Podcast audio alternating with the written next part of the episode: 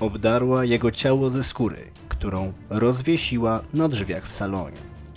Obcięła głowę, z której postanowiła ugotować zupę, a pośladki mężczyzny usmażyła na patelni. Witajcie na kanale Zbrodnia Niedoskonała. Na imię mam Daniel i w dzisiejszym odcinku przedstawię Wam osobę Catherine Mary Knight, która w swoim kraju została okrzyknięta Hanną Lecter. Pseudonim nadany przez opinię publiczną nawiązuje do postaci Hannibala Lectera, smakosza ludzkiego ciała. Dzieciństwo Catherine należało do trudnych i traumatycznych, co oczywiście nie usprawiedliwia jej winy, której dopuściła się jako osoba dorosła. Urodzona w roku 1955, Catherine była bita i zastraszana przez swojego ojca, sadystę i alkoholika. Oprócz tego dziewczynka i jej siostra bliźniaczka musiały wysłuchiwać opisów gwałtów, których ojciec dokonywał na ich matce. Matka Catherine w ten sposób próbowała szukać wsparcia u córek, opisując im czyny, których dopuszczał się ich ojciec. To nie jest koniec koszmaru, który dział się w domu małej dziewczynki. Jak wynika z jej późniejszych zeznań, była regularnie molestowana seksualnie przez dalszych członków rodziny. Napaści seksualne ustąpiły, kiedy dziecko skończyło 11 lat.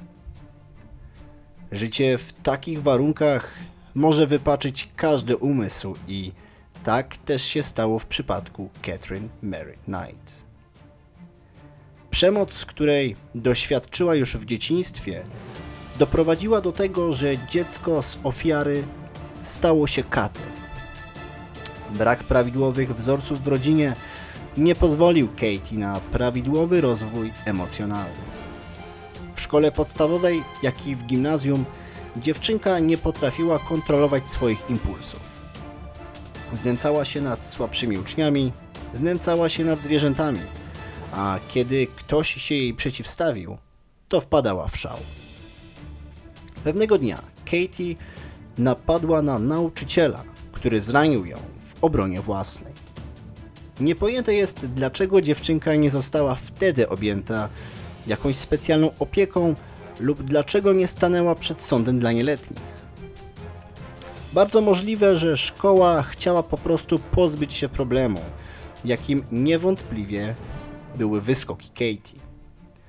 Zamiast jej pomóc, przepuszczali ją z klasy do klasy, żeby jak najszybciej pozbyć się jej ze szkoły. Za tą teorią stoi fakt, że dziewczyna opuszczając szkołę nie umiała ani czytać, ani pisać. Katie miała wtedy 15 lat. Zaniedbanie, którego doświadczyła w rodzinnym domu, plus zaniedbanie ze strony szkoły, były doskonałą pożywką, która doprowadziła do zaniku empatii i przemiany w brutalną psychopatkę. Catherine miała siostrę bliźniaczkę, która wychowywała się w identycznych warunkach, więc była również obciążona patologią, która miała miejsce w domu rodzinnym. Wszystko wskazuje na to, że siostrze udało się uniknąć molestowania seksualnego ze strony dorosłych, a więc jej dzieciństwo nie zostało tak brutalnie zmiażdżone, jak było to w przypadku Katie. Aspekt przemocy seksualnej w dużym stopniu zaważył na tym, jaką osobą stała się Catherine. 17-letnia dziewczyna została zatrudniona w rzeźni, gdzie początkowo obrabiała podroby, a następnie została przeniesiona do działu, w którym oddzielano mięso od kości. Do pracy dostała zestaw noży rzeźnickich, które zaczęła zabierać ze sobą do domu i chować na noc pod łóżkiem. Podczas aresztowania Knight powiedziała, że praca w rzeźni była jej ulubioną pracą, a noże, które ze sobą zabierała, stały się jej talizmanami. Po roku pracy kobieta związała się z kolegą po fachu, Davidem Kelletem, którego życie zmieniła w koszmar. Od samego początku ich związek należał do burzliwych. Catherine biła partnera, obrzucała wyzwiskami, groziła śmiercią. David nie odszedł od kochanki, ponieważ bał się, że jej pogróżki o śmierci mogą się spełnić. Kolejnym powodem, dla którego Kellet nie porzucił Knight, był wstyd, którego doświadczał. Wstydził się faktu, że bije go kobieta. Po roku znajomości para zawarła związek małżeński. W noc poślubną znowu doszło do eskalacji przemocy ze strony Catherine, która próbowała udusić małżonka, bo ten podobno nie zaspokoił jej seksualnie. Małżeństwo Davida było jednym pasmem przemocy, którą serwowała mu żona. Kellet był bity i poniżany za to, że źle spojrzał, spóźnił się na obiad, nie zaspokoił żony lub po prostu za to, że siedział na kanapie.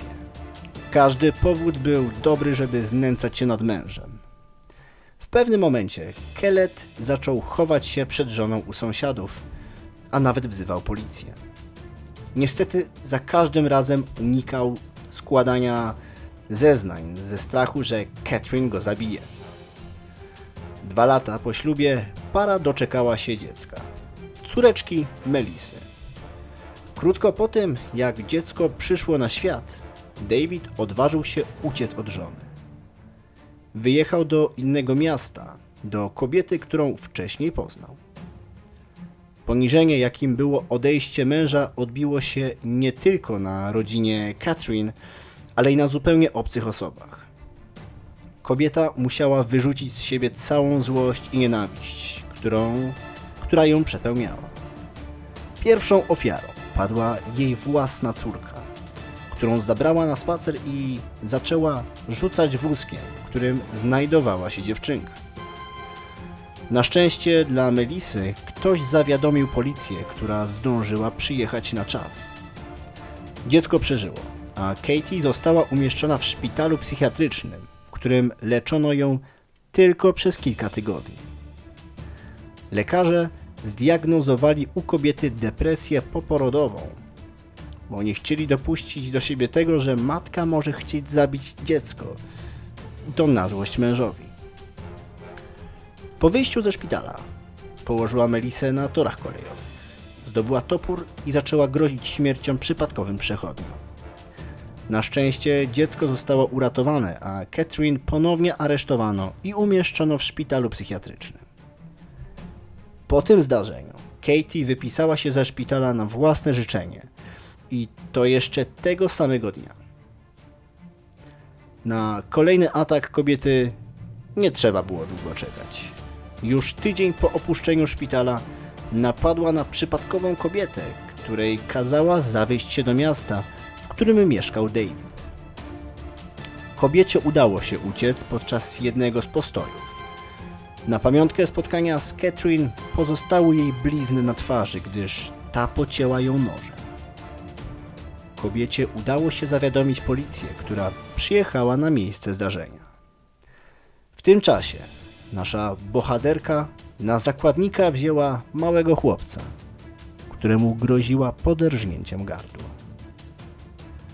Na szczęście policjantom udało się obezwładnić kobietę i ponownie umieszczono ją w szpitalu psychiatrycznym. Jej pobyt w szpitalu znowu był krótki, trwał zaledwie kilka miesięcy. W opuszczeniu szpitala pomógł jej mąż, do którego doszły informacje na temat Catherine. Podobno zrobił to, ponieważ Katie opowiadała, że jak tylko wyjdzie na wolność, to zabije Davida, jego matkę i mechanika, który naprawił mu samochód, dzięki któremu Kenneth opuścił miasto. Mężczyzna musiał wierzyć w groźby żony, ponieważ wolał sam do niej wrócić. Jakby tego było mało, para doczekała się drugiego dziecka. W roku 1980 urodziła się ich młodsza córka, Natasza. Po czterech latach Catherine sama znudziła się mężem i definitywnie od niego odeszła. Dwa lata później związała się z kolejnym mężczyzną i powtórzył się schemat przemocy, znany z jej pierwszego związku. Jej nowy partner, David Saunders, również był bity i poniżany. Kiedy próbował od niej odejść, Catherine na jego oczach poderżnęła gardło szczeniakowi, mówiąc, że spotka go taki sam los, jeżeli ją porzuci. David bał się o życie, więc został. Z tego związku również urodziła się dziecko. Catherine po raz trzeci została matką dziewczynki, której dano na imię Sara. Po powrocie z porodówki Katie udekorowała cały dom skórami i czaszkami zwierząt. W niektórych miejscach w domu ustawiła pułapki na zwierzęta. Te upiększenia były gwoździem do trumny jej związku z Sandersem. Mężczyzna zdecydował się na ucieczkę od niezrównoważonej partnerki. Na jego szczęście Catherine nigdy go nie odnalazła. Trzecim partnerem furiatki został John Chilworth, z którym również doczekała się dziecka. Tym razem na świat przyszedł chłopiec o imieniu Eric. Ten związek różnił się od poprzednich. Catherine nie stosowała przemocy w stosunku do partnera, ale też szybko się nim znudziła i odeszła do Johna Price'a. Ten ostatni mężczyzna miał najmniej szczęścia, gdyż związek z Katie skończył się jego śmiercią. W momencie, w którym John poznał Katie, jej niechlubna opinia była już powszechnie znana. Price'owi początkowo nie przeszkadzał temperament partnerki oraz nie wierzył we wszystkie pogłoski, jakie o krążyły. Price śmiał się z jej byłych partnerów, że nie potrafili zadowolić kobiety. Twierdził więc, że to nie dziwne, iż dostawali po łbie. Ich relacja zmieniła się w roku 1998, kiedy odrzucił oświadczyny Catherine. Wzgardzona kobieta wszczęła bójkę z partnerem, a w ramach zemsty poinformowała szefa Johna o jego kradzieżach. John podkradał kasety wideo. Ta informacja doprowadziła do zwolnienia go z pracy. Po tym incydencie John wyrzucił Catherine z domu, ale z jakichś powodów sam do niej wrócił już po kilku miesiącach. Możliwe, że poczuł, że potrafi okiełznać kobietę i to on będzie rządził w związku. Ważnym elementem tego patologicznego układu były dzieci, które mieszkały z parą. Katie miała ich czworo, a John troje. Początkowo dzieci Johna bardzo lubiły swoją macochę. Z czasem zobaczyły jednak, jak złą osobą jest partnerka ojca. W lutym 2000 roku podczas jednej z kłótni Catherine pchnęła Johna nożem w klatkę piersiową. Ugodzony mężczyzna nie wniósł przeciwko niej oskarżenia, ale zaczął się coraz bardziej obawiać o swoje życie. Jego obawy spełniły się 28 lutego 2000 roku. Catherine zamordowała partnera podczas snu. Zadała mu 37 uderzeń nożem. Następnie obdarła jego ciało ze skóry, którą rozwiesiła na drzwiach w salonie. Obcięła głowę, z której postanowiła ugotować zupę, a pośladki mężczyzny usmażyła na patelni. Obiadem chciała nakarmić dzieci Johna. Kobietę aresztowano jeszcze tego samego dnia, a policjanci, którzy zjawili się na miejscu zbrodni, nie mogli uwierzyć w to, co zobaczyli. Catherine została poddana obserwacji psychiatrycznej, podczas której ustalono, że w momencie popełnienia przestępstwa była w pełni poczytalna. Dr Milton, czołowy australijski psychiatra, stwierdził, że Katie cierpi na zaburzenie osobowości borderline, ale morderstwo popełniła w pełni świadomie i z premedytacją.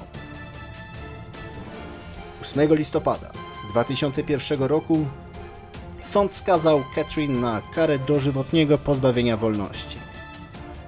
W roku 2006 osadzona próbowała odwołać się od wyroku, twierdząc, że kara dożywotniego pozbawienia wolności nie jest adekwatna do zbrodni, której dokonała. Sędziowie oczywiście odrzucili jej prośbę. Na dzisiaj to wszystko. Jeżeli odcinek Ci się spodobał, zostaw łapkę w górę oraz zasubskrybuj kanał. Do usłyszenia w następnym odcinku.